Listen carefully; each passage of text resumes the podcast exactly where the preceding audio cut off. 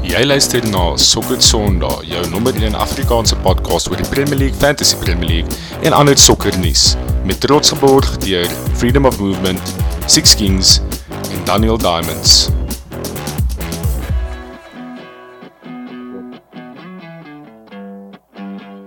Hallo en welkom by nog 'n episode van Sokker Sondag, jou nommer 1 Afrikaanse podcast oor die Premier League, Fantasy Premier League en ander sokkernuus. Die eerste episode van 2024. Dis baie lekker om terug te wees. Verwelkom saam my vir Christian Barnard en Jaco Bester. Wat sê die manne vanaand? Lekker papa. Ja, voel as mens 'n jaar terug hierso was, hè. Jy was omtrent claims, jy het 'n bietjie van 'n breek Ja. gehad einde Mm. laas jaar, hè. Maar ons dis het om ja. eerlik te wees. Die bokke, ons bly Was net het- op die blokke. Was dit Time Zones of Chelsea of die Bokke? Oei. Ja. So ietsie van alles met jou. Lekker boys, dit lekker om lekker om terug te wees in 'n ek dink is 'n lekker tyd om bietjie op te neem want dit is 'n interessante Mm. tyd van die seisoen. Ehm um, met hierdie met Afcon, die Asian Cup. Ehm um, met fantasy wat ook nou regtig interessant word. Jy weet, uh dis daar's daar's verskillende strategieë en ek dink die template is ook bietjie gebreek die afgelope tyd. So is 'n lekker tyd om bietjie weer episode op te neem. Bietjie stil te staan. Ehm um, ek meen ander groot nuus. KDB is back, back with a bang. So uh, ons afskopvraag gaan oor hom. Hanu Heiser het gevra, kan Kevin De Bruyne afgaan as die beste midfielder in Premier League geskiedenis? So dis 'n grootte wat ons nou gaan bespreek. Uh tweedens gaan ons net so klein bietjie stil staan by die punteleer op die oomblik en net so klein bietjie stil staan by 'n paar highlights. Ehm um, ons gaan dan Jose Mourinho se sacking bespreek al by Roma en ook die moontlike volgende plekke waartoe hy kan gaan as coach. Uh Baans, dan gaan jy vir ons 'n bietjie vertel van die United takeover. Ons gaan so klein bietjie daaroor gesels en die shambles wat dit is en uh, want ek ek weet regtig nie wat daar aangaan nie. Um ek het so Mhm. klein bietjie opgelees, maar ek dink dit sal goed wees om 'n bietjie meer info daar te kry.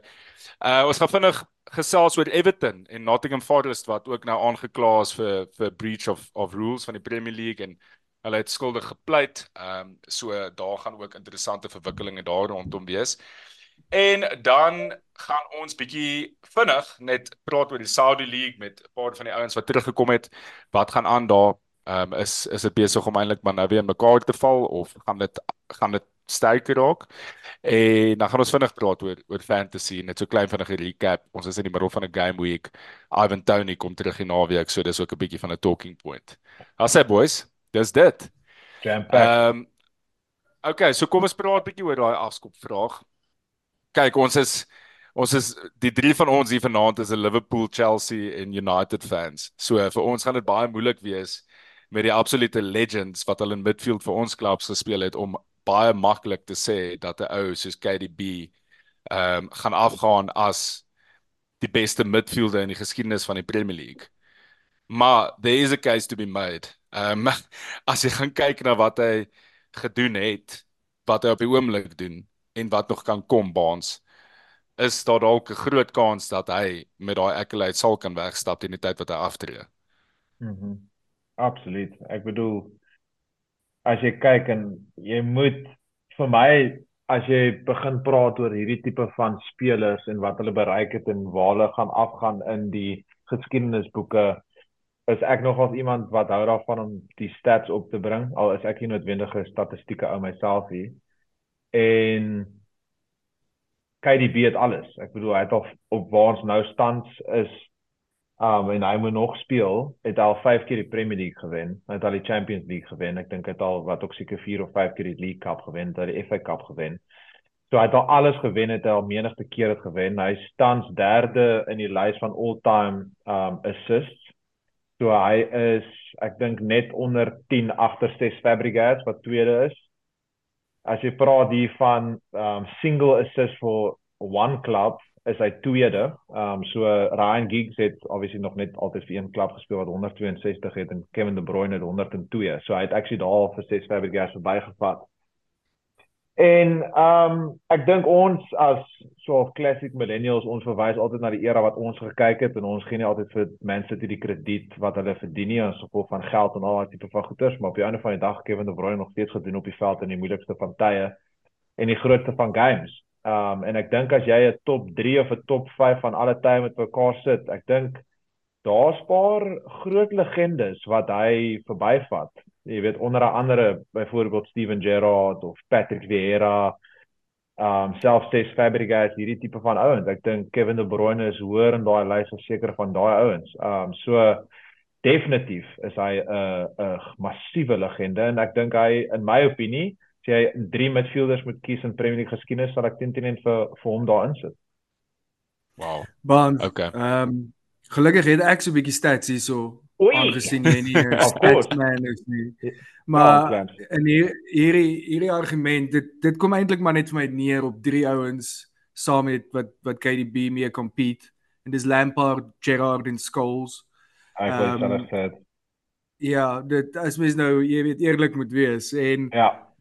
De Bruyne waar hy 'n bietjie agterloop is met sy sy goals wat hy al geskor het. Uh Mhm. maar hy doen nogal baie beter as jy kyk na possession stats, assists, big chances created. Um en as mens dit 'n bietjie moet vergelyk, natuurlik Lamps het 177 goals, Gerrard het 120, Scholes het 107, KDB het 65.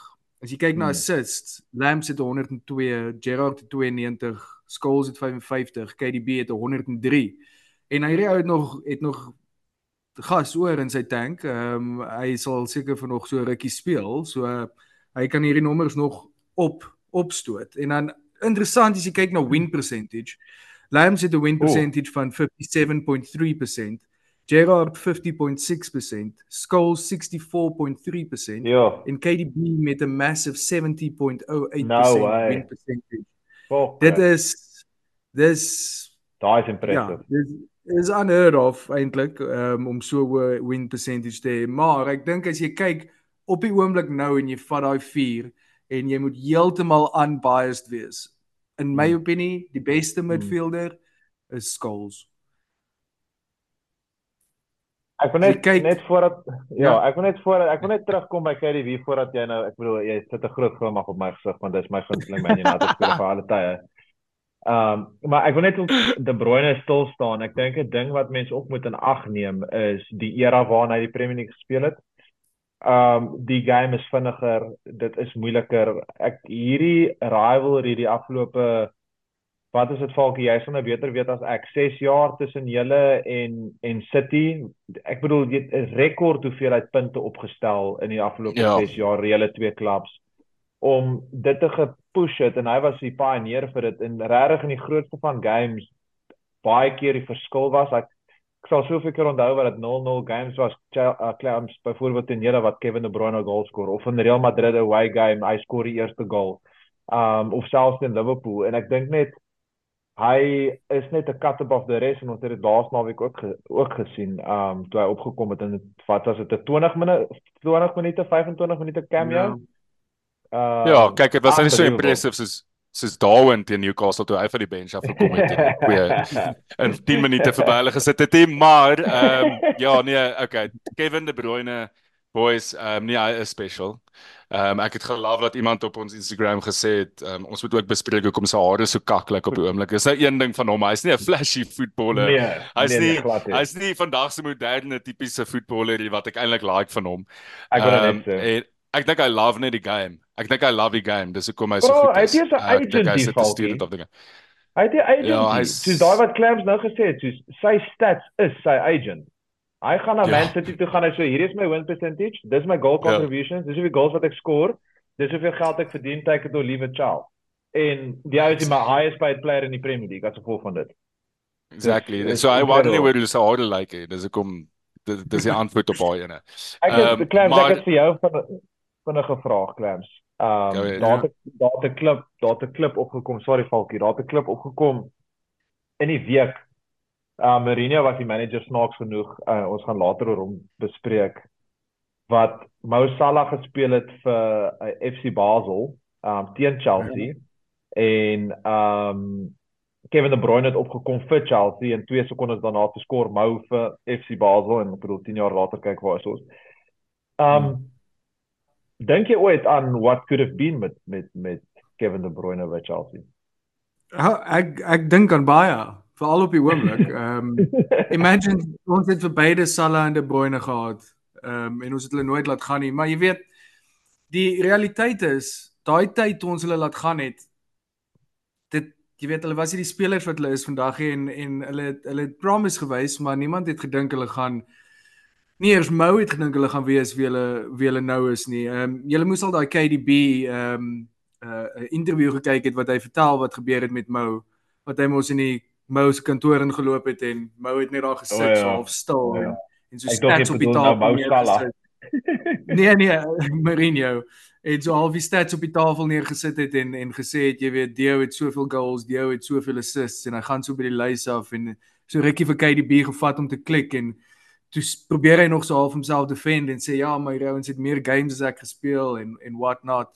En op die einde van die dag toe ehm um, toe toe dit was baie duidelik vir hom, jy weet, daar daar was ouens bo die pecking order en hy het gesê maar ek wil speel, ek sal verkies as jy my verkoop en en and that's what she wrote. So natuurlik what could have been could have been amazing. Voetbal, ja. Maar maar dis hoe dinge gaan. Kan ek net gou vinnig vir julle iets noem net as 'n Liverpool fan moet ek net obviously vinnig oor Steven Gerrard praat. Ehm um, ek dink wat vir Gerrard special gemaak het is die span waarna hy gespeel het en die invloed wat hy gehad het. Ek meen as mens kyk na die die level van City se span op die oomblik, dis dis insane. So KDB yes, hy's 'n talisman, Maar dink jy nie Stevie het 'n groter impak gehad in 'n moeiliker bemoeiliker playing field nie, as ek dit so kan stel nie. As jy dink hy het hy was derde in die Ballon d'Or in 2005 saam met ouens soos Xavi en Iniesta, Messi, daai tipe manne. Ehm um, in dieselfde jaar het hy UEFA Club Footballer of the Year gewen. Wat is die hoogste wat KDB al was in daai personal awards? Wow, ek sal dit met Google pappa, ek weet nie. Maar ek ek dink jy raak aan 'n goeie punt daar. Ek dink een ding wat Kevin De Bruyne nie noodwendig is nie. Ehm um, ek dink dit kom nou hier teen die einde van sy loopbaan bietjie meer uit, maar hy ek sal ek sal nie hom noodwendig in hierdie hele periode waar City so suksesvol is en was, sal ek nie noodwendig sê hy ek sal nie hy sal nie die eerste naam wees wat ek dalk uitnoem nie as 'n klub icon en um talisman nie. Soos Steven Gerrard is Liverpool. Frank Lampard is Chelsea. Soos daai ouens het letterlik hulle klubs gedra. Behalwe toe hy vir City gaan speel het. Behalwe toe obviously vir City gaan speel het, maar ek dink ons het dit nou ook gesien, is soos City is nie useless sonder Kevin De Bruyne nie. Hmm. Um al is hy hoe belangrik en al is hy hoe fantasties. Ek dink hy het nie daai leierskap X-factor wat ek dink 'n Stevie of 'n Lampard hmm. gehad het nie. Ek bedoel daai daai FA Cup final uh Falkie jy sal nou vir my kan reghelp hierso. Was dit teen West Ham dink ek? Waar soos die ja. extra time Steven Gerrard is moeg. Die game kort iets letterlik uit niks uit en Steven het daai in hom gehad wat ek dink baie min spelers ooit in die geskiedenis van sokker gehad het. So dis 'n geldige punt. Ehm um, maar ek ek, ek beweeg net bietjie weg. Ek beweeg bietjie weg van die stats af. Dis alhoewel ek ek nee, gooi net 'n 'n klipjie in die dam, jy weet, want ehm um, ja, daai game wat jy verwys Baans was uh 'n 3 elk en Stevie het in haar final twee goals geskor en die ander een assist vir Jibril Cisse. Exactly. En ja. obviously 'n penalty gevat in die penalty shootout om dit te wen. So ehm um, ek voel net ja, KDB se stats is daar, maar ek dink van die ander ouens, mens kan oor Skulls dieselfde sê en dis hoekom ek dink Jaco, ek meen jy het die gesprek begin dit te sê Skulls is eintlik jou man. Ehm um, hmm. van die influence wat hy gehad het op 'n span en oh. dis nou weer 'n ander storie. Dit was 'n uitstekende oh. United span, maar hy het die ja. strings gepoel daar. Ehm um, so En en so kan mens sê ek meen in die gesprek is David Silva ook. Hy's altyd seker in die top 10 van van gesprekke oor Premier League midfield greats. Ek ek ek uh, gaan af op a, op a, op 'n lys wat wat ek gelees het vandag. So dit dit is moeilik want dis moeilik om te kyk veral na KDB in hierdie uitstekende span waarna hy is. So big moments is vir my nogal belangrik. Ongelukkig was hy beseer in die Champions League final ehm um, laas jaar want ek dink daar kon dalk 'n big moment ja, byvoorbeeld. Ja, nee, true ek dink 'n ding wat mense ook nie moet in in moet wat jy moet vergeet nie is ons vergelyk hom met spelers wat klaar gespeel het en hulle loopbane gehad het en alles gewen het. Um ek dink Kevin De Bruyne is klaar 32. Jy, jy sien nou spelers kan langer speel. Ek bedoel Cristiano is hier op pad 40 toe na nog 'n Heroes toe. Mo Salah lyk asof hy letterlik soos nog 23 is hoe hy speel. So ek dink Kevin De Bruyne teen die tyd wanneer ons klaar is um met sy loopbaan kan hy te, kan hy definitief nog 2, 3 Champions ag Premier Leagues agter sy naam en nog assists, nog goals. En die punt wat ek wil by uitkom is as jy kyk na Steven Gerrard en as jy kyk na Paul Scholes nou as twee spesifieke vergelykings, daai ouens het hulle games gemold oor tyd by hulle clubs. Hulle het nie dieselfde posisie heeltyd gespeel, jy weet, gedurende daai tyd. En jy kan dieselfde sê vir Lampard al het dit dalk later gebeur by City.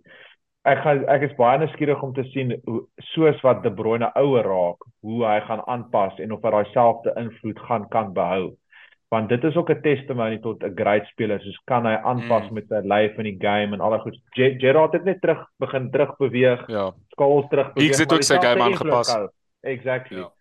Ja, so dit gaan interessant wees. Net om self uh, ook op te rap op op Ger op Gerard. Ehm um, jy's reg Falkie. Ek bedoel hy, hy het 'n massive impact impact gehad op 'n span wat nie die City span is van vandag en ja, hy was daar 'n natural leader gewees en 'n sterk leader.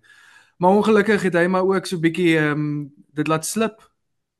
So hier en daar. jy sal nooit jy sal my nooit laat vergeet van daai nie. Ek het nou ek nou dag te loops lees ek 'n ding van 'n uh, ou wat 'n post maak op Twitter, 'n Liverpool fan wat sê God dank Steve het geslip want as hy nie geslip het, sou Rodgers nog twee seisoene gekry het, klop sou United toe gegaan het en alles sou 'n fok op gewees het. So dis hoe goed werk en uitdraai, maar nee, jy is 100% reg. Daai slip Moet dit nie gooi man, ek jammer. Daai daai slippie was groot geweest, ehm uh, want dit ek meen as hy ja, daar was 'n goeie kans dat ons die Premier League sou wen, selfs met die slip, maar as dit nie vir die slip was nie, 'n baie goeie ja. kans dat hy daai een dingetjie, daai Premier League medal en dis dalk die een ding wat mense dan gaan sê gaan maak dat hy nie die Premier League midfield of all time is nie. Ja. Jy ja. weet, want hy het nie die ja. Premier League gewen nie. So good point. Very good point. Maar ek Baans wat ek vir jou wil sê is en ek sê maar mm. presies saam met jou. Ek kyk die beet nog baie hoofstukke, jy weet om te ja. skryf. Ehm ja. um, ja. en dis wat dit dis wat dit bietjie scary maak op die oomblik is die ou hy's dit toe maar ek dink hy die hy die afhangend van so hoe hy sy beserings handle en so maar physically het hy die hy die hy die life om om terug te skuif al hoe meer terug te skuif en en daai quarterback rol ook ook baie goed te speel. So nou hy het alles nog baie om te kom.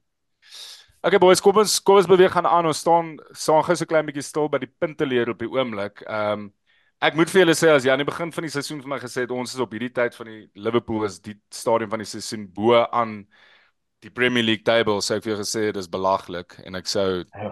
ek sou baie bly gewees het om om dit te hoor, maar ek sê dit glo nie.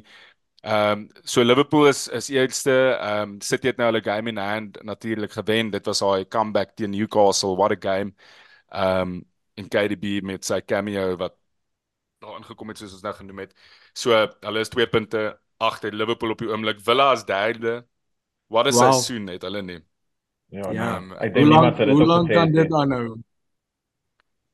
Ja, wat kan mens sê van good evening? Jy weet, die ou was eintlik so 'n bietjie afgeskryf in sy tyd by Arsenal en uh, ons weet hy's 'n Europa League specialist, maar hy's besig om dit te doen in die Premier League. So hy hy het sy reputasie herstel definitief. Mm, um nou met hierdie span by Villa en ek dink hy verdien die sukses wat hy hy's 'n goeie manager.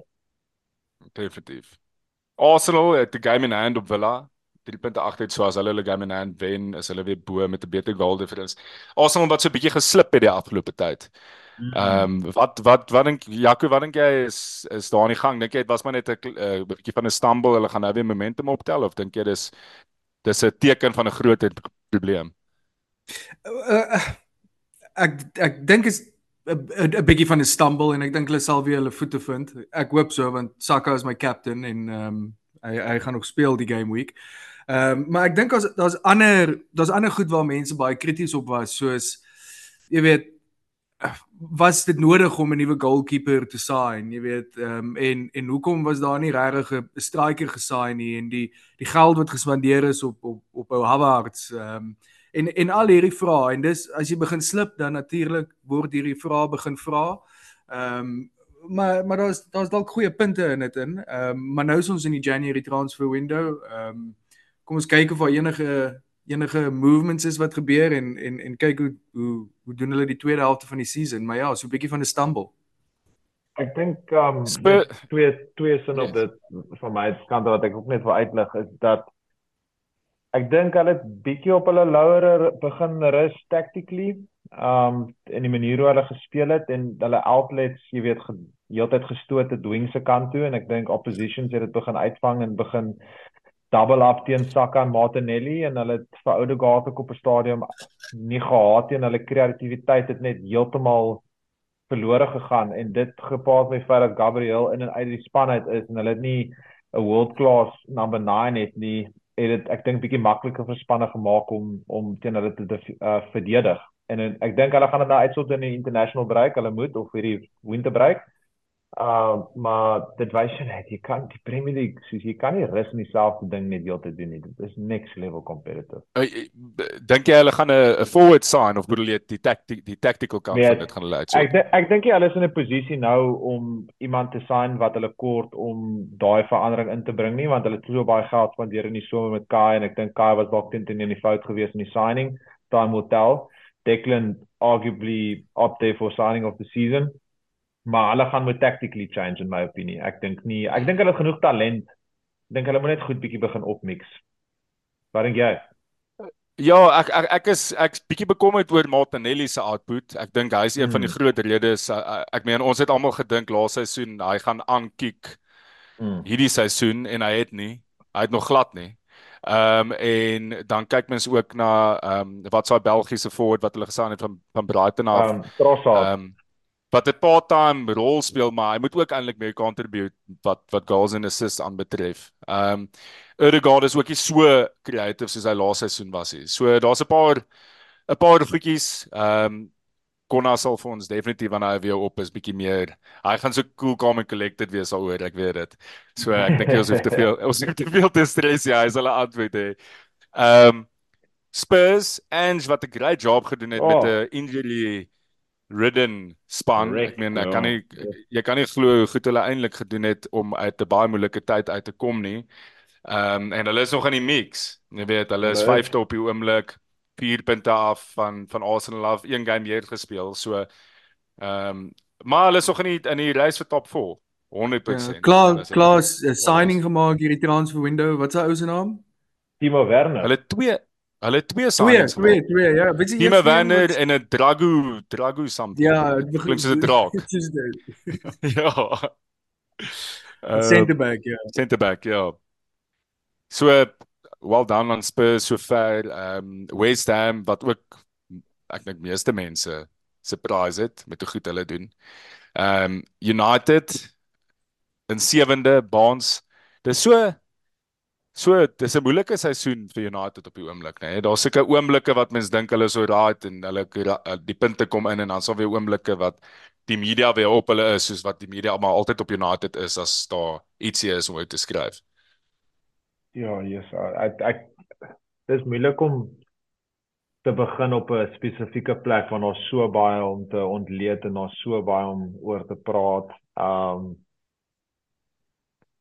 Ja, die die begin van die seisoen kon nie slegter gewees het met al die beserings wat ons gehad het nie en toe al die kontroversie wat ons daar by gehad het met uh Mason Greenwood en Jadon Sancho en Rashford se vorm en en al die ander stories wat um verkeerd gegaan het. Um ek dink ons is seker nou in 'n ou kuierige plek al speel ons nog steeds taamlik baie kaksokker en dis seker wat fans nou stadig maar seker begin um vir Erik ten Hag blameer is as jy kyk na Ange, ek bedoel Ange is daar vir wat 'n halwe seisoen en iewes skielik het Spurs 'n identity en hulle het so baie beserings gehad en hulle het nog steeds teen ons gespeel in 'n spesifieke manier. En dis die ding wat Konna en ek moet vir Konna krediet gee op hierdie ene. Ek het dit al baie vroeg gekol um in in Ten Hag se rein in net soos ons sukkel om 'n identiteit te sien onder Erik Ten Hag met hierdie United span en jy kan net soveel eksterne redes blameer, maar op die einde van die dag, ek bedoel, jy kan nog steeds 'n manier van speel inbring met die spelers wat jy het. Of jy nou suksesvol gaan wees of nie is 'n ander ding, maar ehm um, ek dink baie United fans begin nou dit bietjie vraagteken al al dink ek Ten Hag gaan hierdie seisoen gesek word nie en ehm um, ons sal seker net nou praat oor die nuwe owners en en en daai tipe van goed in die impak wat dit gaan gehad het. Maar ag, dis net Falkie dis dis dis verby 'n punt van frustrasie. Dit is ons United fans jy weet nie meer waar om te kyk of wat om te verwag nie want dit is net soos om elke hoek en draai kom maar net 'n nuwe verrassing en nie 'n goeie een nie. Ja, dis julle is enigste span in die top 10 wat 'n negatiewe goal difference is, het sien ek ja. van min min 5. So te min goals geskoor, te veel goals concede. Ehm um, doen eintlik ja, goed om punte te kry te kry as mens aan dit kyk kry hulle eintlik punte waar hulle nie noodwendig punte verdien nie. Ehm um, as mens kan so daarna kan kyk.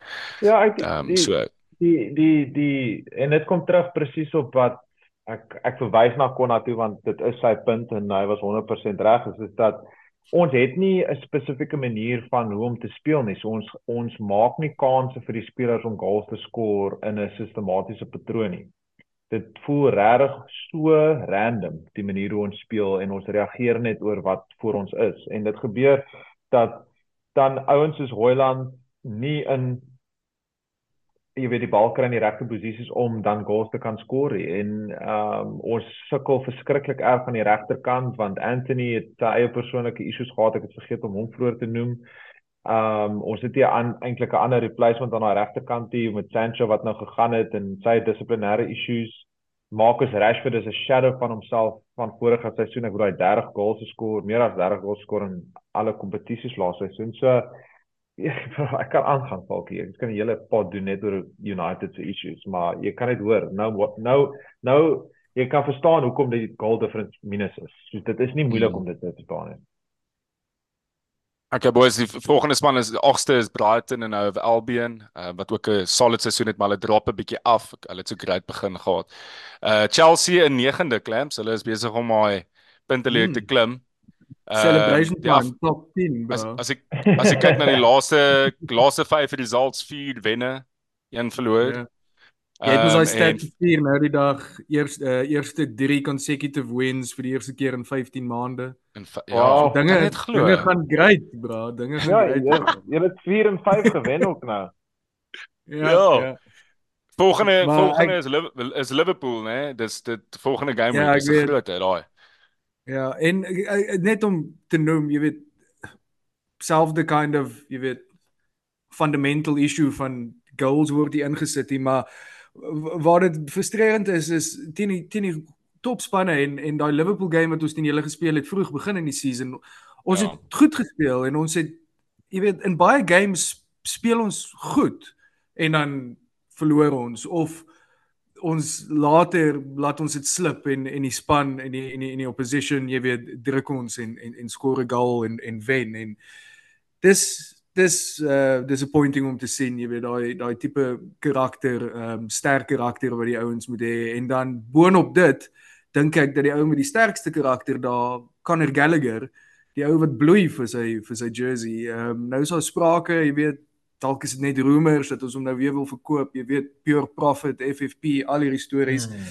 Maar dis nie iets wat ek wat ek dink ons moet doen nie. Ek dink daai daai tipe attitude wat hy bring is is presies wat wat die backbone van die span kort um, om om my games deur te trek. Ons voor jy iets sê, so ek wil net gou vinnig vir Jaco die volgende ehm um, eintlik maar net 'n statement maak oor want as mens kyk na Chelsea se span op die oomblik, dis die dis by ver die Chelsea span wat ek die swakste ken vandat ek Premier League kyk. Ek ken ek van daai klomp van daai spelers ken ek nie nie, hè. Ja, dit is baie en, en, en en dan dis 'n klomp junior ouens bro, soos Thiago Silva is uit en uit die die ou man daar tussen hulle wat hmm. ek dink 'n ongelooflike ou is en 'n ongelooflike leier is.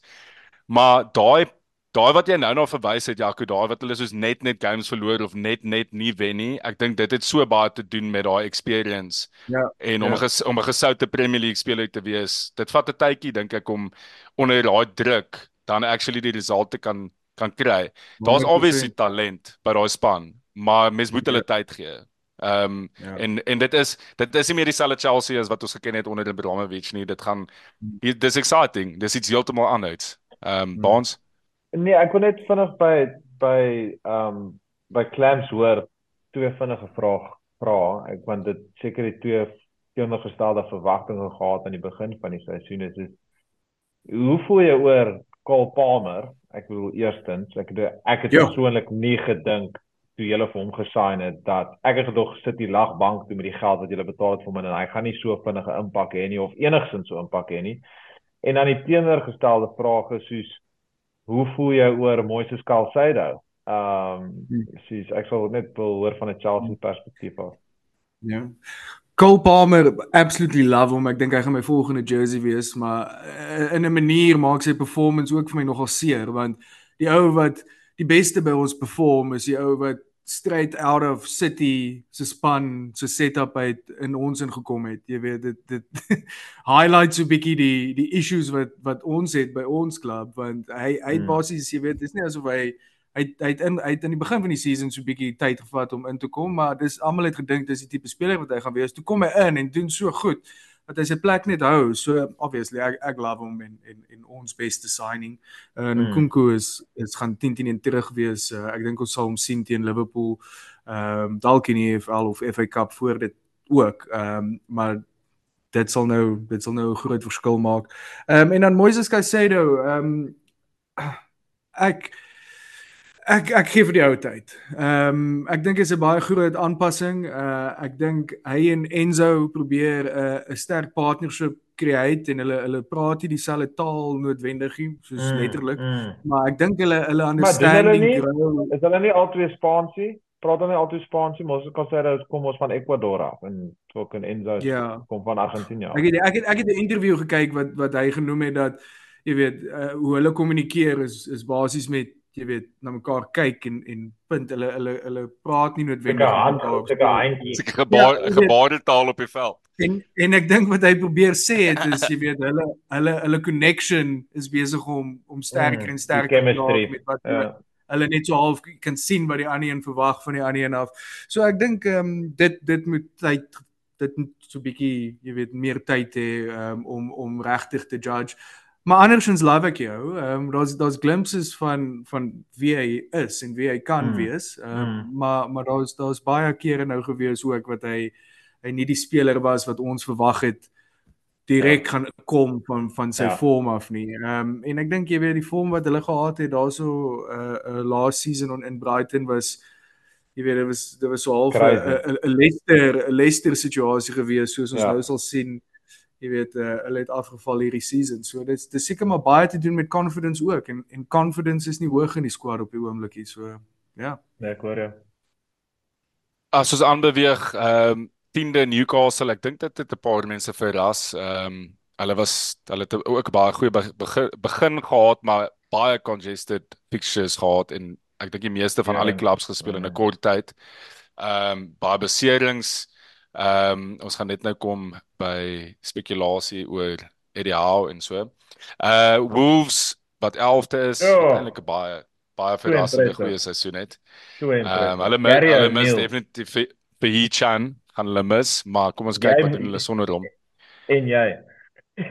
Yes, ek mis hom ook klaar. Hichan was jou Hee-chan, wow. incredible fantasy signing. Nee, Falkie, n- notable shout out aan Gary O'Neill. Ek bedoel, hulle het oor die 20 spelers verloor in die transfer nou laas somer en Gary O'Neill, ek is jammer, maar daai ou verdien 'n job by 'n groter span. Hy is ongelooflik impressive. Wat hy gedoen het by Bournemouth laas seisoen, nou besig om te doen by Wolves. Ja. Big ups. Hulle het hulle het Big drie up. wenne in 'n ry, bro. Ja, Hulle het drie dit wenne in 'n ry. Chelsea het 15 maande nie dit gedoen nie. nou weet ons, dit is moeilik daai. Shots fired. In ieder geval.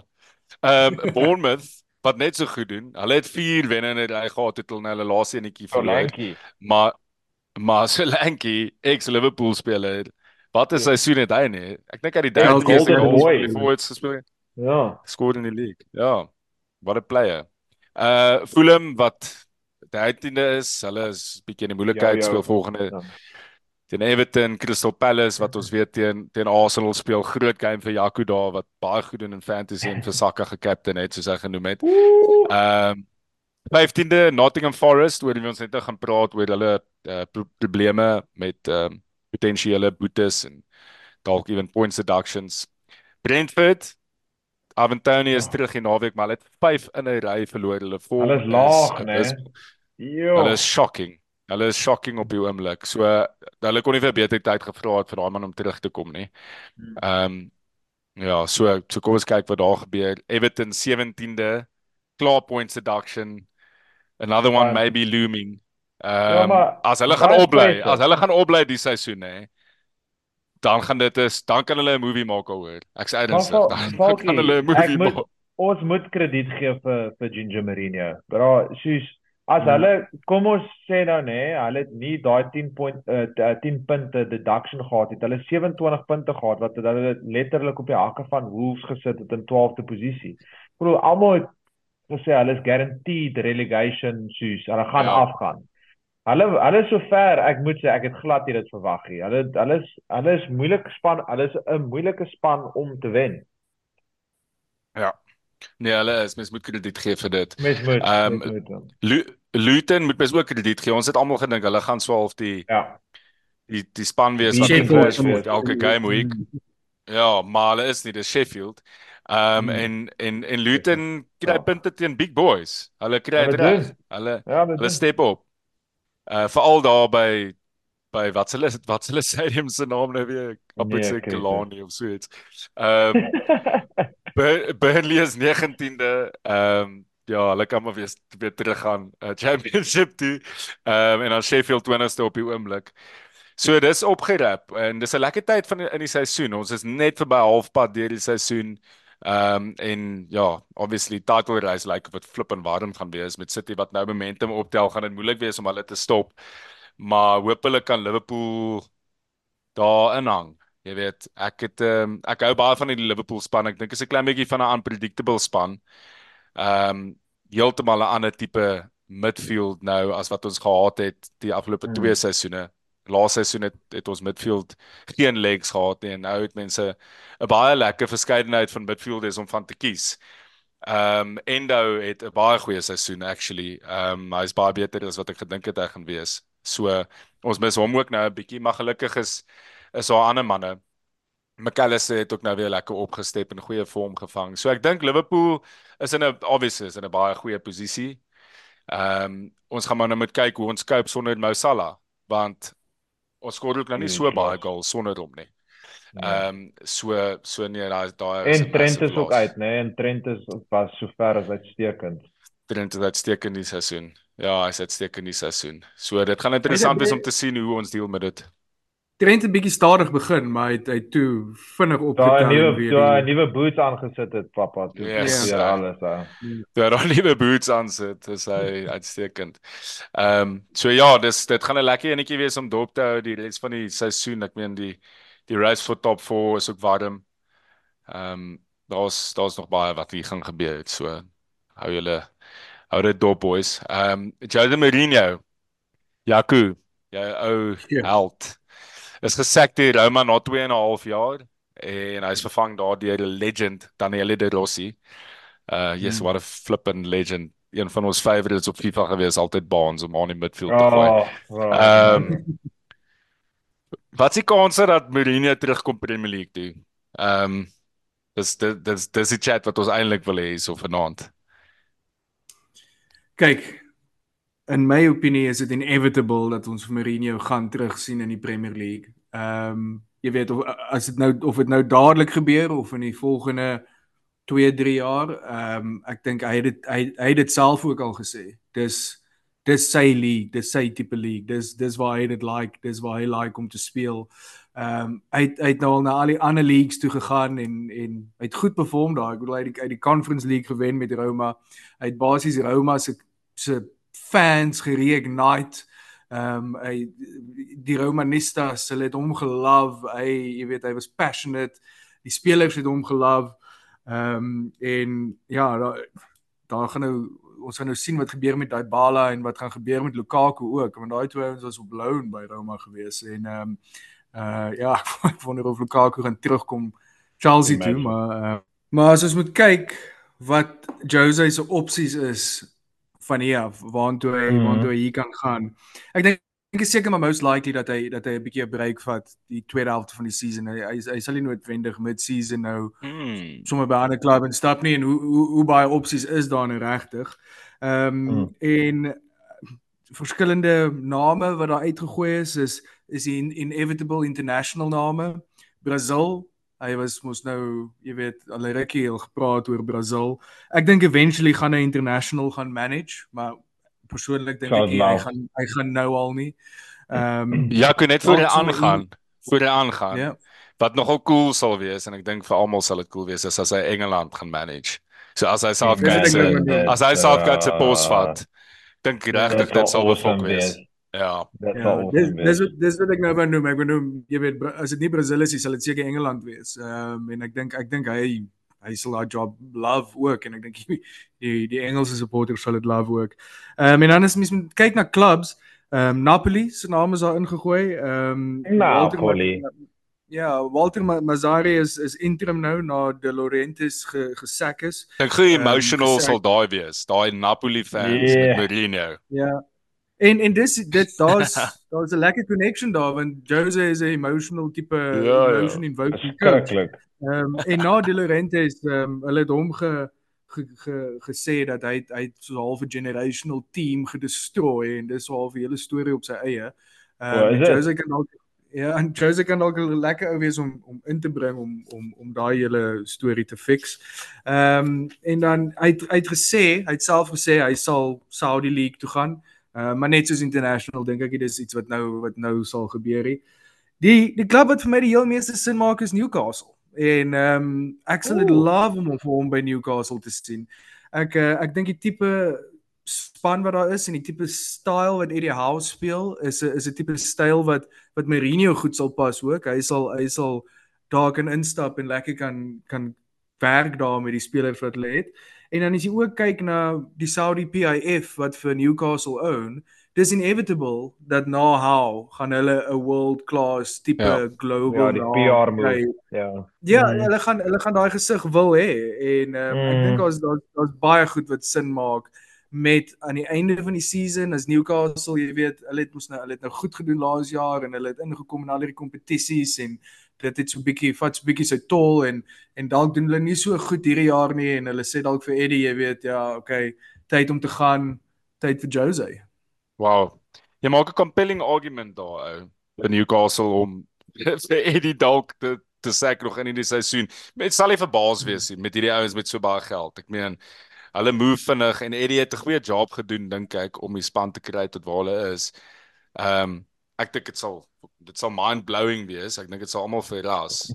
Maar ons sal nie verbaas wees nie. Soos As jy ehm um, as Newcastle daai tipe ouens doen sulke goed bra. Nog 'n interessante punt, né? Jy weet in sy in sy tyd by Roma, hy het net twee permanent signings gemaak in sy hele tyd daar. Nou, Ehm um, so, Tammy. ja. Nee, wel Tammy en dan daar's 'n ander ou, ek het sy naam vergeet, maar regtig Chris uh, Smalling. uh Nee. uh ja. Maar in Smalling geval hy- daar, bro. ja Nee, ja, maar ek is dink hy het maar hom gesign nie. Mourinho het hom Ja, nie gesign ja, nie. ja. Hy het Ja. baie Maar hoë hy hulle het 'n hoë wage bill daar, maar ek dink hy het so baie signings gemaak. Het hy net twee signings gemaak, Jaco? Daai is nog ek- maak. wat ek verstaan het, hy hy hy jy weet so twee signings gemaak, ehm um, baie baie met die spelers gewerk wat hulle het en en spelers wat deurgekom het deur die youth. Ehm um, en Newcastle moet so bietjie versigtig wees met met eh, financial fair play ook op die oomblik. Selfde ding, die PIF, hulle gaan daai line baie fyn loop. Hulle gaan nie wil inkom en 'n klub wil own in die Premier League en dan en dan hierdie tipe charges teen hulle wil hê nie. Hulle gaan hulle gaan 'n clean tipe slate wil hê. En Mourinho het nou, jy weet, be bewys dat hy kan vat wat jy het en en en die la, al die performance wat jy moontlik uit hulle uit kan squeeze, uit hulle uit squeeze. Ehm um, en dan na na 3 jaar dan loop die steam uit en en hy gaan weer, maar daar's daar's baie goed wat vir my sin maak dat dit 'n baie goeie fit is tussen Jose en Newcastle. Kan ek net so vir julle 'n paar cool stats van Jose lees hierso? Asseblief.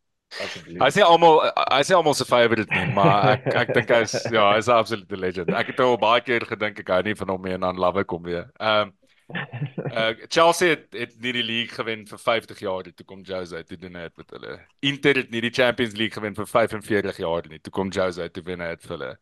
Real Madrid het die Copa del Rey gewen vir 20 jaar nie. Toe kom hy toe wen dit vir hulle.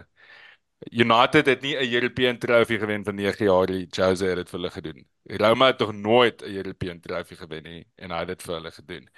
En hy het hulle ja, tot die Europa League final in die jaar daarna ook gevat. Toe verloor hulle mos nou. So wat hy hy weier mos om daai te recognise as 'n verloor. Hy weier. Soos hy in soos hy sê mos hulle die Europa League gewen. Hy weier. Hy het mos na die tyd vir die ref gewag in die parking lot. Soos hy hy het geweier dat hulle daai game hy glo voor een jy dat hy daai game gewen het. So so dis twee European titles volgens Marino. Okay boys, kom ons beweeg gaan aan na die volgende enetjie toe. Ehm um, United takeover bonds. Yo. Wat gaan op die oomblik aan? Wie, wie is Sheikh Yassim en wat probeer hy doen daar op die oomblik? Nee, Sheikh Yassim is uit die prentjie uit, pappa. Ehm um, Sheikh Yassim is hier meer in in die storie uh in enige kapasiteit nie want die partyd oor het het klaar gebeur. Ehm um, ja, ehm um, Sheikh Yassim het so 'n paar maande terug um onttrek. Hy het 'n world record bid van ek dink ver oor die 5 miljard um pond um aangebied vir die Glazers wat ek dink iets soos iets astronomies bo die markwaarde was vir Man United en om eerlik te wees ek dink oh, vir 100% takeover dis hoekom ook hy so half 'n prentjie nou is want as dit nie vir alles was nie wou hy dit nie doen nie. Korrek en uh, ek dink daai verhouding het heeltemal wow. afgebreek tussen die Glazers en hom want hy voel absoluut gedisrespekteer deur hoe die Glazers besigheid gedoen het en nee gesê het vir haar offer Maar hoe's wat daai setting slow and steady always wins the race. Um en um so um Jim um Radcliffe wat die founder en um bedoel CEO van Ineos is, het nog altyd stadig maar seker weggekap. Um sy angle was heeltemal anderste. Hy het net belang gestel in 'n part ownership van United with an aim to eventually become the majority stakeholder. Um en hy het toe 25% van Man United gekoop. Dit was toe van alle dae wat hulle dit aangekondig het die 24ste Desember dit aangekondig. Um en om vir die luisteraars wat nie weet nie om dit net baie eenvoudig te stel, hy is in beheer van die footballing deel van Man United. So die kommersiële deel en majority stakeholders sit nog steeds vir die Glazers, maar die football operational deel um behoort nou aan Sir Jim Radcliffe. Dis groot uh, nuus vir julle skryf nuus vir julle. Fantasties. Ja, en hy gaan aanvanklik ek dink 'n bedrag van 250 miljoen instoot in infrastruktuur, nuwe training grounds, etc. Dis nie naby genoeg aan wat moet gebeur nie, maar die onmiddellike ehm um, tekens lyk baie positief. Ehm um, hy is ook 'n Man United fan, hy's Brit, ehm um, so hy verstaan ook bietjie meer die kultuur as enigiemand van buite af. Ehm um, ek dink die die eerste vraag wat ek dink omtrent almal sal vra is wat gaan gebeur met Ten Hag en jy weet wat gaan gebeur met die speelkant van die Man United. Ehm um, so die wat jy weet die Ineos besit en is betrokke met klomp verskillende sportspanne in die wêreld. So hulle besit ook soos Nice. Um, hulle besit ook FC Lucerne in in Switserland. Hulle het ook 'n baie suksesvolle span, ehm um, fietsryspan wat deelneem is van die Tour de France.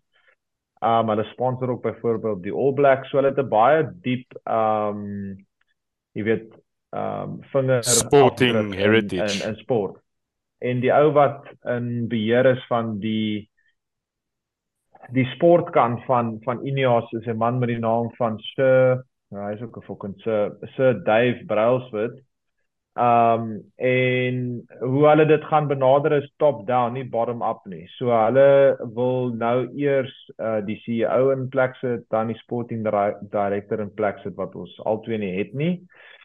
En dan na dit sal die manager seker eers kom. So dit gaan lank vat. Um as dit enigstens gaan suksesvol wees sou be remain to be seen. Maar ek kan net vir sê van uh, Manchester United se perspektief af anything is better than the Glazers en dit grait dat hulle deel is van die sokkerkant so time will tell. But it will be long long long long journey. Okay. Okay, so die Glazers is nog gaan nog daar in die driving seat wees vir 'n tydjie van 'n Ja, ja. van 'n ownership point of view. Okay, kom ons praat bietjie oor Everton en Nottingham Forest, ons het net nou geraak daaraan. Ehm um, so die Premier League het onlangs 'n statement ehm um, uitgereik waar hulle gesê het dat die twee clubs Everton en Nottingham Forest erken het dat hulle Premier League reëls gebreek het in aansien van finansiële verslae en goedjies. Ek kan ek gaan nie in in, in detail ingaan nie. Hmm. Maar hulle het erken dat hulle wel reëls gebreek het die proses wat gevolg nou gaan word is al gaan commission uh, independent commissions aangestel word om die sake aan te hoor en dan binne 12 weke gaan hulle 'n beslissing gee en dan kan die clubs dit appeleer. Ehm um, so ek neem aan ek aanvaar as die beslissings gaan wees dat dit 'n point deduction is dat albei clubs hmm. wel dit gaan appeleer. Ehm um, want ek dink nie eh, soos ons nou net gesê het Everton gaan nie nog 'n point deduction kan hanteer nie. Hulle is ehm um, hulle het al reeds 'n 6 punt. O nee, hulle kan 'n 6 punt deduction nog kry vir hierdie ehm um, transgressions. En dan kan Nottingham nog dieselfde ook kry. Ehm um, so die vraag is het Nuno geweet byvoorbeeld van hierdie goed? Hy het nou net hier in 'n job ingestap by Nottingham nou ewe skielik uit die bloute uit kan hulle dalk 'n 6 punt deduction kry. En ehm um, ja, hoe aan aanlucky is dit van Everton nie want dit is twee verskillende financial cycles. So as dit dieselfde cycle was, dan kon hulle nie weer beboet word nie, maar dit was nou 'n nuwe financial cycle waar hulle hulle verslaam is indien. So hulle kan twee keer potensieel in een seisoen 'n points deduction kry wat ek nie dink al gebeur het in die verlede in enige van die van die groot ligas nie. En dan nee. vra mense, dan vra mense altyd wat maak dit nou anders as Man City se klagtes, jy weet, maar ek meen ons kan vinnig ja, oor Man City praat. Man City het 115 klagtes teen hulle wat baie meer is as, as hierdie twee clubs. En hulle goed is heeltemal anders. Hulle het byvoorbeeld die 45 54 van our charges is failure to provide accurate and up-to-date financial information from 2009 to 2017-18. So hulle het net ja, bloot nie hulle het net bloot nie die voldoende state ingedien vir baie van die jare in die city. Mm. So daar's klomp mm. inligting mm. wat hierdie klubs gee hulle inligting en dan word hulle beboet deur die Premier League na die tyd. En hulle weet noodwendig dalk nie dat hulle jy weet beboet gaan word nie, maar City het net bloot besluit om om klomp van daai inligting nie te gee nie. Ehm um, dis net 54 van die charges. Ehm um, Hulle het hulle City se ander groot charges is 35 charges failure to cooperate with the Premier League investigations from December 2018 to present. So dis 'n mm. duidelike vertragingstaktiek daardeur Man City en mm. ek ek wil nou nie die obvious wat wat dit hier call nie, maar een of ander tyd gaan hulle kak. Ehm um, of dit nou is of oor, oor 20 jaar is, maar hulle is besig om die inevitable te te delay. Ehm um, so Ja, dis maar net interessant om te sien hoe kleiner klubs soos Nottingham Forest en Everton ehm um, nou sit en en Jaco, nou moet jy eintlik ook verwys na na Klopp se se raad want jy het vandag verwys daarna. Ehm um, Ja. Maar ek die, ek weet nie wat hy presies gesê het nie, maar ek neem aan dit het iets in die lyn, dis iets ja. in die lyn van van City kan en het ander klubs ook genoem. City kan doen wat hulle ja. wil, maar dis net hulle wat kan doen wat hulle wil. Wel, hy het die name genoem, maar maar net om terug te kom by City, mense kan net assume dat die rede hoekom daar nou nog enige iets uitgekom het oor nie is want dis 'n moorse investigation wat ja. aangaan in die background. Ehm um, wat wat die fans dalk nie ehm um, uh, bewus van is nie en en hulle weer hou inligting. So Ja. Dit gaan nog langer. En as dit ja, so en en as die geld, soos om dit net uit buite hou vir so lank as moontlik. Met die met, Maar as ja. as dit so groot investigation is, dan dan kan mens nie dink dat dit eindig op 'n points deduction nie. Ehm um, jy weet mense sal dink dit eindig op 'n relegation. relegation. Nou, ja. Ja. Sweet, jy weet, 'n ja. tipe Juventus. Ja, um, dit drasties, uh, ja, ja. ja. So ja, dit soos jy sê Falkie, uh, een of ander tyd gaan hulle nommer op wees uh, en dit gaan kom. Ehm um, maar uh, en wat Klop gesê het is hy hy moes nou onlangs in 'n in 'n in 'n onderhoud gesê daar daar's net 3 clubs in die wêreld wat wat kan doen wat hulle wil. Ehm um, hy het die name genoem he, en almal so half het gespekuleer wie se 3 clubs wat uh, wat hy na verwys. Die City um, Boss Boss as ek Wel, wat ek dink is die drie state-owned clubs. Ja, City, ek weet, PSG en PSG Newcastle. en Newcastle.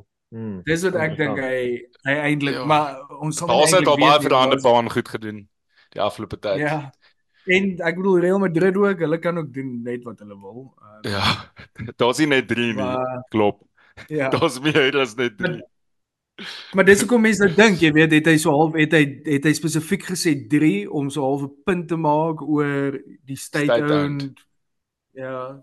Uh, Hy het nie net van die Premier al. League gepraat nie, nee. Hy het gepraat van soos globally. Ja, eh, wel, dis ook wat mense soek, want hy hy hy het net gesê ja, weet daar's net 3 klubs in die wêreld wat kan doen wat hulle wil. O, in die wêreld, okay. dis- Neem so aan, ja, ja. Want as hy van die Premier League gepraat het, is Chelsea ook definitief daarin gegooi clams. Ja, ek weet, ek kyk, ek dink die- ek dink die verskil is ons kan nie noodwendig doen wat ons wil hê. Ons kan spend, jy weet, ons kan groot spend, maar ons ons kry nie ons gaan nie noodwendig die name kry as 'n tipe City of 'n PSG ook compete met ons nie en en dalk is dit 'n bietjie rof op Newcastle ook, maar aan die ander Mm. kant jy weet, is Newcastle genoeg hulle hulle kan bids outbid en outbid en outbid totdat hulle die die wenner is op die einde van die dag teen teen enige van die ander clubs dink ek. So ja. Jakob so gepraat van geld, die Saudi Pro League. Ehm um, jy het verlede seisoen gesê is al exciting om te sien hoeveel groter profile spelers nou oorgaan en nou is daar 'n paar ouens, maar dit is seker nie abnormaal nie. Die vraag is eintlik net is dit die begin van iets groter? Jy weet Benzema wat wat wat wil uit Hendo wat klaar ek dink vir Ajax gesaan het of at least personal terms agree het. Uh Firmino wat wil waai. Is dink jy dis maar net soos individuele kwessies of dink jy dis dis 'n uh, uh, iets van 'n groter patroon wat nou gaan ontstaan? Wel, ek dink ek dink die punt van jy weet is die is die Saudi League besig om te val. Ehm um, uh, ek sal sê die critics wens dit was die case. Ehm um, in in fact they only just beginning. Ehm um, hierdie recent influx wat ons gesien het was step 1, phase 1 en met so baie internasionale tipe spelers wat gaan na 'n heeltemal 'n nuwe land toe, 'n nuwe kultuur. Ek dink soos jy sê, dit dit is meer te doen met individuals as enigiets iets anders. Ehm um, ek dink ook nie ehm um, Benzema gaan loop op die einde nie. Ehm um, Saudi se se season line ook nie op met Europe se seasons nie. So daar's 'n groot kans dat Benzema dalk op 'n 6 month loan gaan, hopelik na Chelsea toe.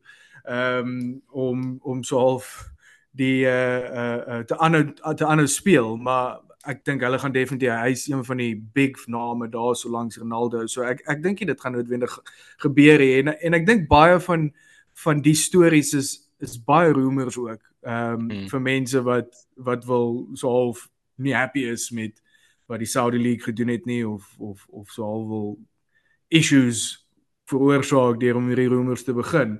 Ehm um, maar dit 'n uh, 'n uh, uh, meerderheid van die spelers wat daar is is ehm um, blyk moer so happy en en doen goed en geniet hulle lewens daar. Ehm um, en dan sal so 'n paar hier en daar wat wat inevitably nie gaan aanpas nie en ek dink dis wat ons nou sien. Dink julle dat Jaco dalk, ek meen dit klink asof jy dalk spekuleer dat die Westerdse media eintlik so al wil hê dit moet nie lyk like soos 'n destination nie. Ehm um, en mens sal dit verstaan. Ek meen daar's 'n bietjie van 'n elephant in the room onder Liverpool by, met Liverpool Twitter op die oomblik. Niemand praat daaroor nie. Maar ons weet Saudi gaan weer vir Salah kom. Niemand praat daaroor nie. Dit want jy wil nie daaroor praat nie. Maar Ja. jy weet wat wat dink wat dink julle as neutral fans is die kans dat daai tipe ouens in hulle prime sal Saudi toe gaan? Want ek meen Salah, ek weet hy's nou al bietjie ouer, maar hy's nog steeds essentially in sy prime as jy kyk Nog na sy nommers. Ja. Nee, Dalk nog nie. Down the line, maar definitief nou nie.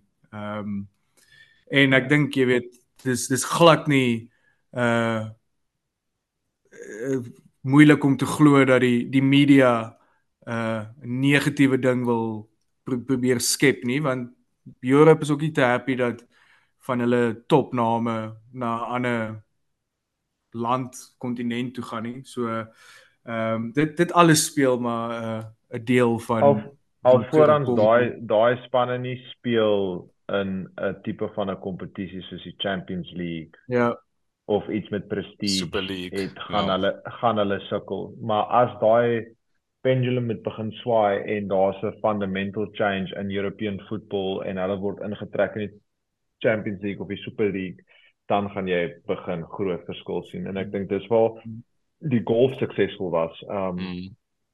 Uh waar sokker is 'n bietjie in European sokker en Champions League en die Premier League is 'n klein bietjie 'n ander stratosfeer.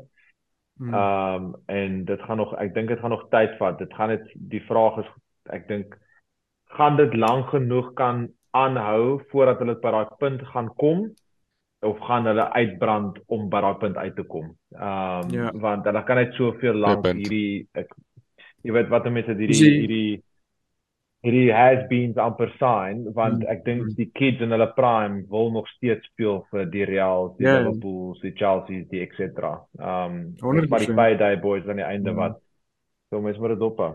Mm. Ja. En ek bedoel die J-League daar in Japan is 'n is 'n goeie voorbeeld. Ons het dit gesien 'n paar jaar terug toe hulle so half al hierdie nie nie op die level wat wat Saudi nou doen nie, maar hulle het my favourite speler Oscar gesaai en hulle het 'n klomp Ja, klomp nee, ander ek gesaai. bedoel d- dinge wat Nou- nou is dit stil. gedoen. Dit was die Chinese was dit die Chinese league? Chinese. Chinese. Chinese ja, ja. league. Wel J Ja, hulle het Oscar, Ja, Oscar hulle het vir Oscar gesign. Hulle het 'n paar groot name gesign op half stadiums. Tevez ja. Naltrovic, en ek bedoel daar was groot stadiums op daar was ek bedoel Bale was op pad China toe vir iets soos 'n miljoene week en toe dit deurgeval. Daar was groot van daai maar ding is dis European voetbal is net dis dis ek bedoel dis is iemand wat inkom van Saudi nou in 'n NFL wil skep. Presies dit dit is dis amper unthinkable. Uh, Dit Ja, gaan lank, dit gaan lank vat. Hulle gaan moet, hulle gaan moet deursettings voer mooi baans. Jy's reg. Dit gaan gaan 'n lang bly moet wees daai. Ehm um, kom ons kyk bietjie nou na 'n comeback wat ons hierdie naweek gaan sien vir Brentford, Ivan Toney. Terug na 8 Oei. maande sus suspension, hè. Dis 'n Dit lang tyd daai. Maar wat Hmm. cool is is hy het nou in sy paar friendlies wat hy gejol het voor hy nou die naweek gaan jol uit in 'n 2-2 draw teen Como. Ek weet nie wie hulle is nie. Het hy geskor. Italiaanse span. En toe hy in uh nog 'n oefenwedstryd teen Southampton se onder 23s 'n hattrick geskor. So Hmm. dit lyk asof hy dit lyk asof hy sy scoring boots aan het. Ek meen dis nou nie die pace van die Premier League daai nie, maar wat dink julle gaan dink julle hy gaan soos in terugkom en net weer in sy stride inval of dink julle hy gaan 'n tydjie vat om weer aan die gang te kom? Ek dink is ook belangrik vir FPL want daar is nie baie forwards as opsies op die oomblik nie. Ag maande is lank sonder Premier League voetbal. Ehm um, ek sal eers net 'n bietjie kans gee om te sien hoe hy hoe hy terugkom en hoe hy doen voor hy vir my regtig 'n groot consideration is om in te bring, maar aan die ander kant soos jy nou genoem het die waar ons hom gesien het, het hy goed gedoen en dit kan dalk 'n 'n groot differentiator wees vir die mense wat vroeg spring op hom en hy hy kom net terug met daai selfde vorm wat hy wat hy laas jaar gehad het. Het julle sy comments gesien recently? Ehm um, Nee. wat hy wat hy mos gesê het uh die dit hy natuurlik hy wil titles wen, hy wil vir 'n groot klub speel, so Oh, as 'n ja. as 'n groot klub inkom, kom ons kom ons kyk wat gebeur, jy weet as die bid reg is dan Hy wil definitief kyk. Ja, maar dis 'n bietjie vir my disrespectful uh, comments gewees wat hy wat hy gemaak het op 'n baie bad timing net soos hy terugkom. Mm. Ehm um, so ek ek wonder ook hoe hoe lank veral met jy weet hulle vorm en als ehm um, ons hom nog daar gaan sien. Kyk, die ding is dit het, dit dit tel eintlik baie groot in sy guns en glad nie in die guns van Brentford nie, want worst case scenario soos hy doen okay hierdie somer, maar die ding is ek dink nie sy stok gaan weer so hoog wees soos wat dit was laas sy so laas somer het. Laas hy so la ek wil altyd sê sy somer. Laas somer ehm um, So hy ge- sy sy market value was 100 plus. En ek dink ek twyfel of Brentford naby daai nommer weer gaan kom en dit is nie goeie nuus vir Brentford nie want ek bedoel dis uh, ultimately 'n glorified championship player wat net regtig 'n baie goeie Premier League speler verander het. Hulle gaan hulle gaan nie daai bedrag kry nie, maar hy gaan sy move kry. So ek dink worst case scenario, hy is nie goed hierdie tweede helfte van die seisoen nie. Iemand gaan nog steeds 'n gamble op hom vat. Ek kan jou dit beloof in die somer. Um en dan gaan dit die groot um vraag wees of hy kan terugkom op daai vorige vorm wat wat Clamps nou uh, aangeraak het want ek dink daar's paar spanne in die Premier League wat hom met 'n seer hart wil soek. As jy kyk na Chelsea, as jy kyk na Man United, as jy kyk na Tottenham, as jy kyk na selfs Arsenal. Arsenal. Ja, hmm. presies. Hy as hy nou 'n paar goals skoor, hy kan net pick, pick and choose. Hmm sien ons klaar 'n paar ouens wat hom ingebring het in fantasy. Altyd interessant. ja, om dit te sien. So gonna be interesting to see what he does. Ek meen daai ou is 'n penalty specialist en ehm um, hy gaan hy gaan definitief ek dink hy gaan hy gaan nie hy gaan nie so far soos laas seisoen nie. Ek meen mens kan nie dit verwag. Ja. nie, maar ek dink hy sal hy gaan sy tye kry. Ehm um, en hopelik vir Brentford help om op te bly want as hulle so aanhou gaan hulle binnekort daar in die relegation zone indrop. Ehm um, mm, met die vorm wat mm. hulle is op die oomblik. Uh ja, boys. Absoluut. Dit is Jy gaan net sê vir ons Falkie wie's wie's op die oomblik nommer 1 na op Soccer Sondag Fantasy League. Dit dis my job. Wag, ek weet okay. ja. Ek sê ja, gaan. Ek gaan net inlog want ons het nie 'n fancy gechat dit ek Maar ek aan die begin van die show wou gesê het is terwyl ek 'n paar minute vir myself koop hierso. Um, Dis eintlik teleurstellend dat ons nie vanaand praat oor fantasy nie want julle twee ja. doen so uitstekend.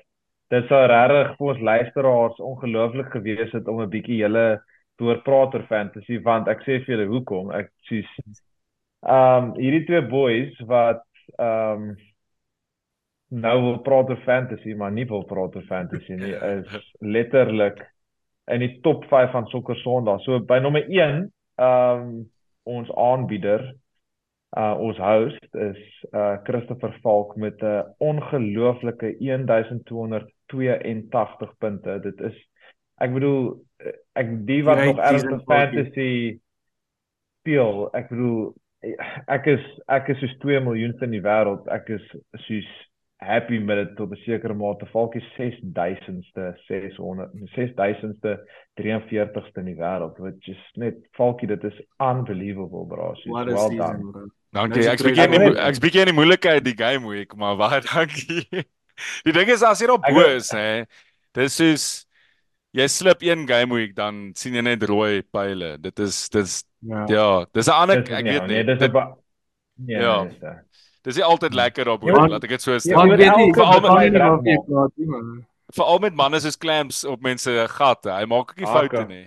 Ja, ehm um, so Ja, maar ek moet ook nou net ek moet ook net raak aan clamps, want soos so uitsteken soos wat Falkie doen. In 4de in sokker Sondag is is Jaco Wester uh met 1261 uh, punte en 22000ste in die wêreld. Clamps net so ongelooflike uitmuntende resultaat wat jy besig is om daar vol te hou en jy poet vir Falkie. Uh ek moet sê dis ja. dis baie uitstekend. Falkie, ek wil net 'n baie random ene gooi ja. wat ek dink niemand sal verwag nie. Nommer 2 Nommer 2 in sokker Sondag is 'n meisie. Ek weet, ek, ek het al gesien. Ken jy haar? En dan ek ken haar en haar naam is Annika Rooprecht en sy werk in my ou span by Adidas in oh, in sokker en sy is fokker goed. Ou, Haar ou is Suid-Afrikaan. Ehm um, en hy was onder andere by ehm um, Wits University se Academy way back when. Ja. En hy werk nou vir Puma ehm um, hierso in Puma se hoofkantoor in in hulle sokker departement. Ek dink hy ran eintlik haar fantasy om eerlik te wees. Sonder nou asseblief vir ons uitvind. Jy ja, moet uitvind, jy moet uitvind. Ek dink jy uitvind, maar Annika roep reg, sy kan nie Afrikaans verstaan nie. Sy luister definitief nie sokker sonder nie, maar sy's tweede.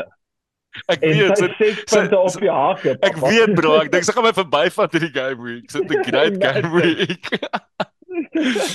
ja, dit is ja. insane. Uh well done Annika. Ehm uh, maar vind asseblief vir ons 'n bietjie uit. Ehm um, ja, obviously hierdie hierdie game week ja, dis hoekom ons nou nie lekker kan chat oor fantasy eintlik hier want ons is swaar van die middel van 'n game week, maar Midweek, ons sal ja. weer ons sal ons sal weer definitief vir Jaco opkry. Ehm um, as ons lekker kan chat oor fantasy. Ehm um, ja, ek weet jy hou nie altyd daarvan om al jou idees te deel nie, maar ehm um, kan maar so 'n bietjie, kan maar so 'n bietjie chat. Van van van 'n van iemand wat wat opkyk na julle in, in 'n fantasy opsig, soos hoe goed julle doen. Um ek dink dit sal regtig 'n amazing episode wees as jy en Clams en dalk iemand anders wat ook goed doen. um net bietjie gesels oor hoe julle how you go about your business want ek bedoel soos julle albei is in soos next level rankings in die wêreld. Dis ons praat eers van soos mediocre, julle soos fucking goed. Um en ek dink mense moet bietjie luister na wat jy Ja. het om te sê. I'm up for it. As jy is Falkie. Ja, ek sal dit enige tyd doen. Ek dink uh, Baans, jy het hulle goeie punt, jy het hulle goeie punt gemaak. Soos al die inligting is op buite. Ehm um, ek meen alles is op Twitter, alles afhangend van waar jy 'n fix kry of dit op YouTube of Twitter of wat ook al is. Ehm um, timing is maar alles ou en captaincy. So Ah. ek meen ons almal ons almal het die stats voor ons ons almal kan sien wat die fixtures is. Ons almal kyk al lank genoeg sokker om te weet half en al wat die odds is vir results. Maar die timing wat jy dan daai ouetjie inkry of jy weet jy praat altyd van die bandwagon. van die bandwagon jy moet jy moet jy Ja, moet die jy moet die leier wees van daai bandwagon en, en dis die Exactly. dis die moeilike ding. So dis baie keer soos instinct. So ek weet nie, Dis maar ons nie ek- moeilik ons kan chat is daaroor. fucking impossible, bro. Maar Dis genuinely. Yeah. ek dink ek het dit vroeër die season ge, uh uh lekker gekom met Cole Palmer. Ek het hom letterlik Mm. ingebring net toe hy daai Exactly. begin maak. het. Exactly. Falkie het dit gedoen met Hee Chan. He chat Ehm, exactly. En en vir my met met met Palmer byvoorbeeld is ek het die game gekyk en ehm um, ek het gesien hoe hy speel en en ek kon sien in daai Chelsea span Ja. as daar ouens wat punte gaan maak dan dan gaan dit dan Is gaan dit hy wees. Ehm um, en en en dit was een van daai van daai tipe eye test lucky Ja. tipe die, Dis hoekom mens moet kyk. teenoorgestelde maar die teenoorgestelde gebeur ook clams, nou ek bedoel ons praat nou oor fans, so 7 minute oor fucking luisteraars, ons kan net go. En soos ek sê ek en Falkie chat laasweek, nê, nee, want ek wil obviously nou 'n bietjie opvang. Ek het so ek het die begin van die seisoen wat ek nou het want ek het nie tyd gehad of goed en ek probeer, ek probeer genuinely nou om soos bietjie terug te kom, maar dit is doos moeilik. Sê vir Falkie, bra, ek weet nie hoekom nie, maar ek het 'n massive gut feeling oor Kevin De Bruyne. Soos Ja. Ek weet nie hoekom nie. Uh, ek het net 'n feeling hy gaan iets doen. Maar as mens as die as jou arrows rooi is en jou confidence laag is, dan doen jy nie daai instinctive moves nie. Ja. So hierdie is 'n case in point. As ek vir Kevin De Bruyne nou ingebring het, was ek bedoel ek, my, my arrows sou seker my ranking gehaal het as gevolg van sy ownership. Ja. Maar die teenoorgestelde bring jy is Foden in. Exactly, want dit was die Ja. doelwitte Ja, ek ook, ja. Maar Clams, jy het nou net presies dit mooi opgesom. As jy daai moment, as jy daai momentum het en jy voel die goed gaan in die regte manier, dan kol jy 'n Cole Palmer. Maar ek het so 'n paar seisoene terug aan sit ek vir Deli Ali in toe Mourinho daar was en die eerste 3 games skoor al drie goals. Dis verstaan as if it goes well, it Ja. goes well. Falkie met Ja. die Chan en Trent en al die goed. Ja. Ja. Ja, dis Ja. daar's 'n fyn balans tussen XG en vibes. Jy moet daai balans jy moet daai ja. balans op 'n manier kry en maar ek dink wat Jaco nou genoem het wat belangrik is is mens moet actually kyk. Ehm um, jy kan nie net op die Ja. op die op die nommers gaan nie. Mens moet mens moet probeer kyk. kyk in die ja, XG, XA, ja. Maar kom ons praat aan die einde van die seisoen. Ek meen dit help ons boast nou en en dan val ek en Clams heeltemal uit die race uit. hier. Laat ons maar eens twyfel. laat ons maar eens net ten minste daar in die top 10 eindig van van sokker Sondag. Dankie boys, dit was 'n lekker episode. Baie langer as wat ons gedink het dit Nee, gaan maar- wees, maar dis omdat ons so lank so omdat ons so lank terug gechat het. Uh julle moet 'n lekker Ja. aand hê en ja, massive naweek wat voor lê. Ehm vir, Ja. vir, vir fantasy wise. Ehm Hmm. Jaco sien jy binnekort, Baans sien jy die naweek, boys. Sien jy Saterdag Alles van papa. van die beste. Love julle, lekker slaap. Cheers julle. Cheers boys. Bye. Bye bye bye.